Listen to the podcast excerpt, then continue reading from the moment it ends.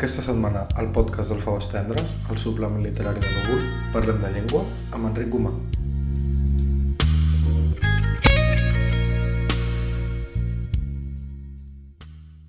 Benvinguts al podcast de Faves Tendres, el suplement literari de Núvol. Avui tenim amb nosaltres l'Enric Gomà. És un savi, l'Enric. Acaba de publicar el castellà La llengua del costat, que és un assaig que intenta explicar l'evolució que hem tingut els catalans en la relació amb la llengua castellana, que és una llengua que inicialment era una llengua veïna i que mica en mica s'ha anat convertint en una llengua amb molta més presència a Catalunya, evidentment. I és, una, és un assaig que jo trobo deliciós perquè, tot i l'erudició que traspua, està ple d'acudit, d'ironia... Tinc la sensació que escrius rient per sota el nas, eh, una mica. Una mica, sí. Què t'has proposat amb aquest llibre i una mica a què respon? Respon a algun discurs eh, que hi hagi en aquests moments eh, sobre la relació, l'equilibri català-castellà a Catalunya? Mira, una mica de tot. O sigui, quan vaig llegir per primera vegada La llengua silenciada de l'August Rafanell, Empúries, a part d'agradar-me molt, vaig pensar, m'està parlant del català i del castellà. Com que aquest llibre l'he llegit com 5 o 6 vegades i sempre prenent notes, és un llibre molt amè i molt ben documentat. Tinc notícies que el Joan Solà em va fer un gran elogi i no m'estranya gens. Jo cada vegada que el llegia pensava, i el castellà, on queda? Què és per nosaltres? Quina relació teníem? Què en teníem? Què pensàvem? Això per una banda. I per una altra, en els últims 8 anys de procés, no és cap secret per a ningú, que s'han anat instal·lant una sèrie d'idees sobre el castellà a Catalunya que al meu entendre són molt equivocades i algunes són falses. O sigui, hi ha molta gent que creu que la situació actual de bilingüisme social que hi ha és de fa 2, 3, 4, 5 segles. I quan tu dius que al segle XVIII només un 1% dels catalans sabia parlar castellà, es queden molt parats. I diuen, no, això no és possible. I quan hi ha gent que diu no, és que les lletres en castellà han acompanyat sempre les lletres en català a Catalunya des de la fundació del país, que això jo ho he llegit, això és una absoluta mentida. El castellà va anar penetrant a poc a poc per conductes diversos i jo m'he dedicat a estudiar-ho. I explicar-ho, explicar-ho tan bé com he sabut a partir de feines, per descomptat, jo no sóc historiador, jo sóc divulgador lingüístic. Feines d'en Marfany, en Rafanell, en Ginebra, l'Àngel Carmona, tot d'historiadors i divulgadors que han estudiat aquest assumpte i jo me n'he aprofitat. Ara bé, com diu el Modest Prat, en grunes i retalls, és un assumpte molt poc estudiat. Sí. La presència del castellà a Catalunya, que també se'n queixa un estudiós alemany que es diu Karsten Sinner, que fa una tesi doctoral que es diu El castellano en Catalunya, que diu exactament el mateix. Aquest assumpte ha estat molt poc estudiat. El teu llibre respon a alguns estudis que han sortit darrerament, eh, com per exemple el del Sergio Vila San Juan, que en una comparació que fa de la presència de, de la literatura castellana a Catalunya des de Boscan fins, a, fins avui, rastreja més aviat la, la, tot el que és la part més llibresca, però, però clar, això obvia el fet de que la gran majoria de catalans el castellà no el tenien com una llengua d'ús habitual i ni tan sols la sabien, no? Sí, és així. Mira, el llibre del Vila San Juan, que és molt interessant, perquè és el primer llibre dedicat a la cultura cultura castellana que es fa a Catalunya, i deixa'm-ho dir així, és el primer després del Diccionari de Torres Amat del segle XIX. Hi havia hagut uns fascicles del Miquel del Sants Oliver parlant, sobre, parlant dels llibres en castellà a Catalunya, però eren molt breus i, i potser poc importants. El llibre de Vila San Juan està molt bé. L'únic que parla d'individus concrets i d'individus que molt sovint escriuen en castellà fora de territoris catalanoparlants, a Madrid, a Sevilla, a Burgos, i, per descomptat, el que jo he intentat és explicar quina relació teníem els catalans amb el castellà com a societat, o sigui, la llengua social, no que uns individus determinats escrivissin en castellà. T'ho dic perquè, per la mateixa regla de 3, Alibei escriu en francès i altres autors han escrit en italià. El de Andrés, el 18, va escriure en italià. Fem llibres diferents.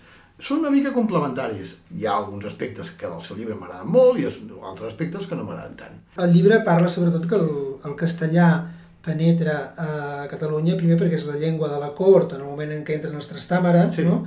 després també la llengua de l'Església, de Sí. la Inquisició, Sí. però que fins i tot en els primers anys de la Inquisició, quan l'inquisidor havia d'entrevistar, diguem entrevistar entre cometes, a una possible heretge, eh, ho havien de fer en català perquè no els entenien. Exacte. I hi ha un moment en què es diu s'ha fer tot en castellà, però continuen el, els, els martiritzats, per dir-ho així, continuen no sabent el castellà i s'expressen com poden i llavors sobre la marxa van traduint. Aquí hi ha un faravan, eh, nobles, església, predicadors, exèrcits, soldats, bisbes, eh, jutges... Hi ha un fenomen molt estrany que t'ha de fer pensar, que és que per una sèrie d'individus poderosos castellanoparlants, tot Catalunya es veu forçada a aprendre castellà, quan ells no es plantegen aprendre català. Això és molt estrany. O sigui, que et vinguin 25 inquisidors, 5 bisbes i 4 generals, i per ells tothom hagi de començar a aprendre castellà als segles XVI, XVII, XVIII, home, mm, trobo que s'ho van mirar molt malament. Era llengua del poder, no era llengua social, no era llengua ambiental, i com a llengua del poder s'imposava d'una manera, cal dir-ho, natural, sense lleis. O sigui, els àustries, els reis àustries, els importava un rave amb quina llengua parlava. Mentre paguéssim els impostos estaven contents. Després, amb els Borbons, el 18 ja canvia. Però fins al 1714, escolta, aquí, llibertat total. Ara, això hi ha un respecte, el castellà ens enlluerna. Clar. O sigui, això, el castellà és la llengua del barroc, és la llengua culta, és la llengua amb què els fènics dels enginys escriuen, i penso en Lope de Vega, penso en Calderón, i penso en Agustín de Moreto, i penso en tants altres, i els catalans ens encanta sentir sermons en castellà. Es fan en castellà perquè vesteix. El, el sermó dels funerals de Pau Claris, del 1742, Sí. es fan en castellà, naturalment. O sigui, som República Catalana, ens hem independitzat, estem fent una guerra terrible contra l'exèrcit castellà. I es mor Pau Claris i li fem el sermó en castellà, perquè el castellà era la llengua important de poder. Parlant de, de la castellanització via clerical, hi ha una dada interessant al teu llibre que, que crec que molta gent els pot sorprendre, que és que el monestir de Montserrat eh, va ser com un focus de castellanització, sobretot a partir de l'arribada de l'abat Cisneros, Sí. que és l'abat que dona nom a aquest hotel que tenen allà a la- a l'abadia. Exacte.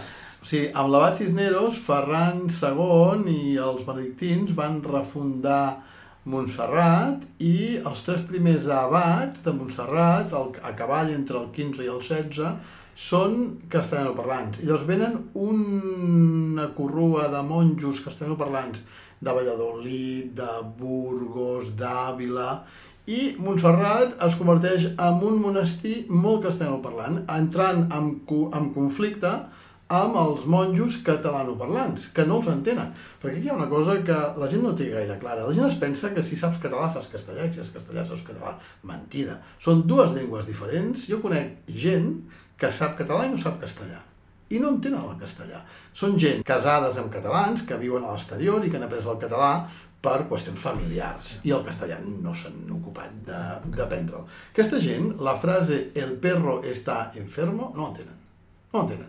Perquè són dues llengües diferents, que posant-hi bona voluntat i amb temps i amb dies, a poc a poc vas desxifrant i vas entenent. És el que ens passa amb l'italià. Nosaltres pensem que entenem, que, que entenem l'italià, però no és veritat. Sí, això, això dius que No en és un moment que vas a un bar a Turí, el cambrer et desmunta et tot. poses a discutir i, i, i, i tens 15 paraules i el cambrer en té 15.000.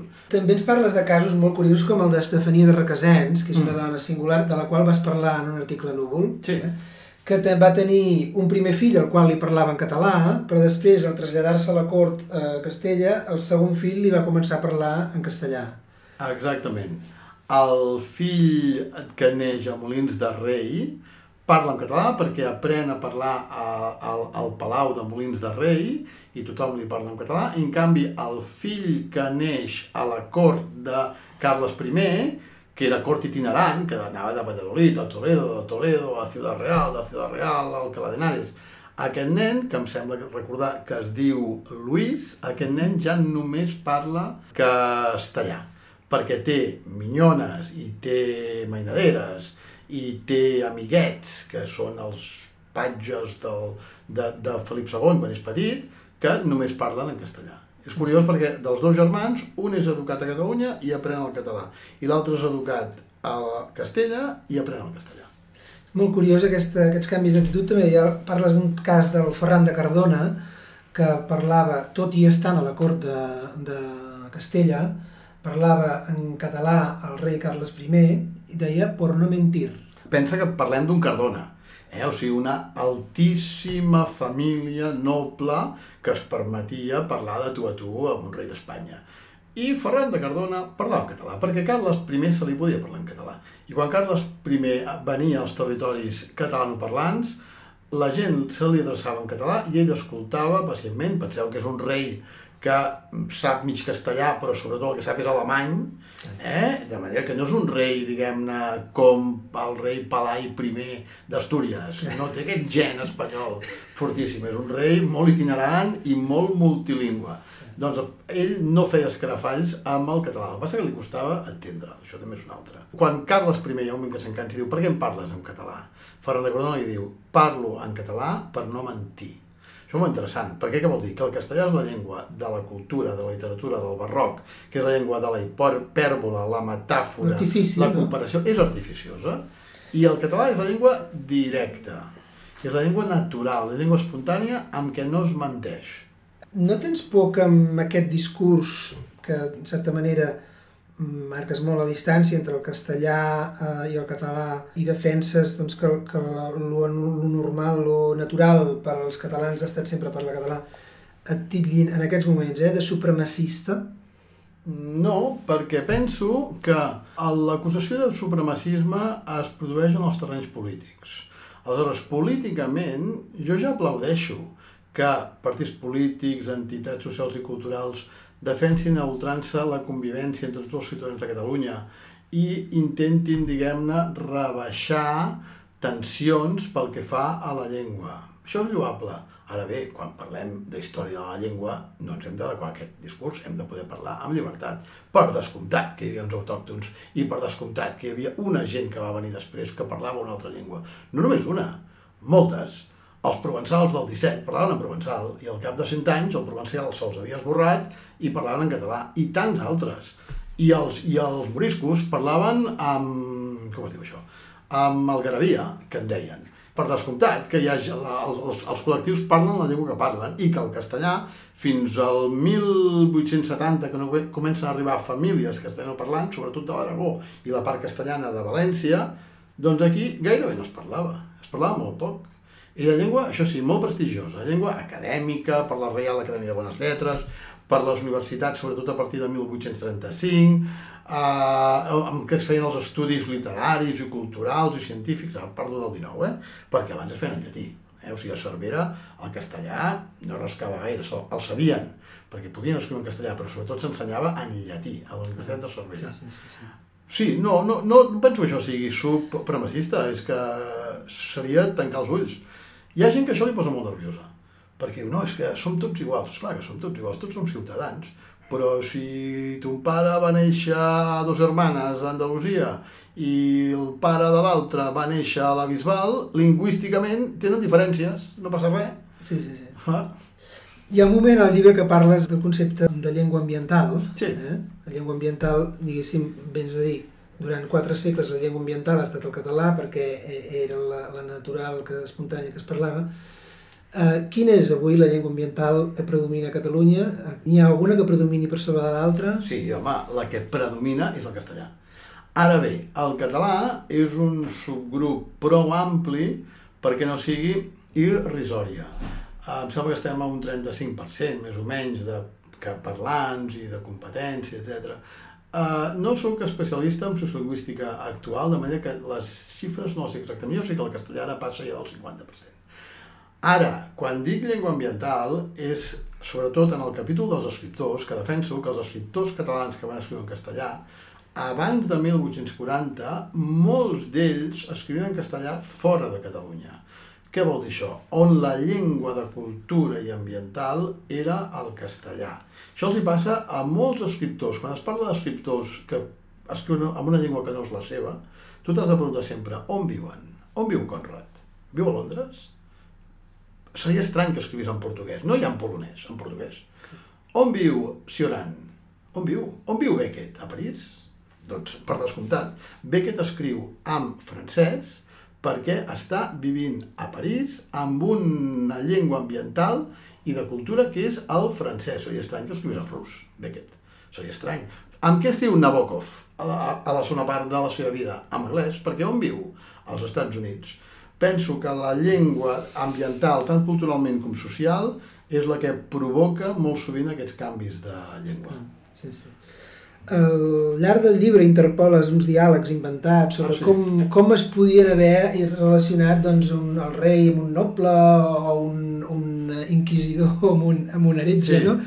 I fa molta gràcia perquè bueno, són, són diàlegs molt ocurrents. I també hi ha algun moment del llibre que parles de, del concepte de vodevil eh, idiomàtic.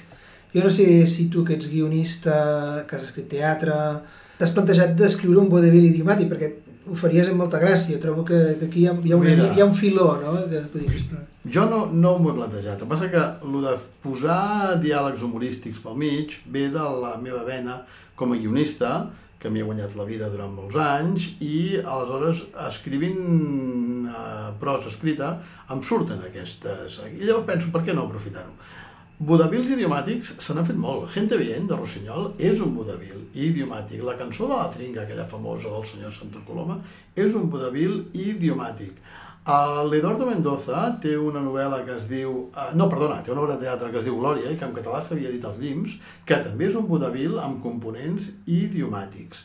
Que jo m'ho hagi plantejat, no sé, passa que a mi m'agrada molt escriure en català, però també que el català col·lisioni amb altres llengües, i no només el castellà, sinó també el francès i l'anglès i l'i- l'italià. Trobo que això enriqueix molt els diàlegs, que xoquin les llengües entre elles i que en surtin malentesos i l'altre dia una colla de gent que ens reuníem ens va posar a discutir si l'esquena era l'espatlla, si l'espatlla era l'esquena i tot això bé, sí, i em va divertir molt perquè hi havia un que deia no, però el meu avi ja deia espatlla d'aquesta part del cos i tot és perquè se'ns ha interferit el castellà per una banda. També se'ns interferirà l'anglès i provocarà també malentesos, excursos, eh, curiositats i això m'agrada especialment. Que no és el mateix carregar-te els problemes a l'espatlla que tirar-te'ls a l'esquena, no? Exactament, Moltes gràcies, Enric, per, per haver vingut al Faves Tendres i molta sort amb aquest llibre que ja, ja ha entrat a la llista dels més venuts. Escolta, molt content que m'hagueu cridat. Només vull comentar que l'he escrit amb una voluntat molt popular, que el pugui llegir tothom.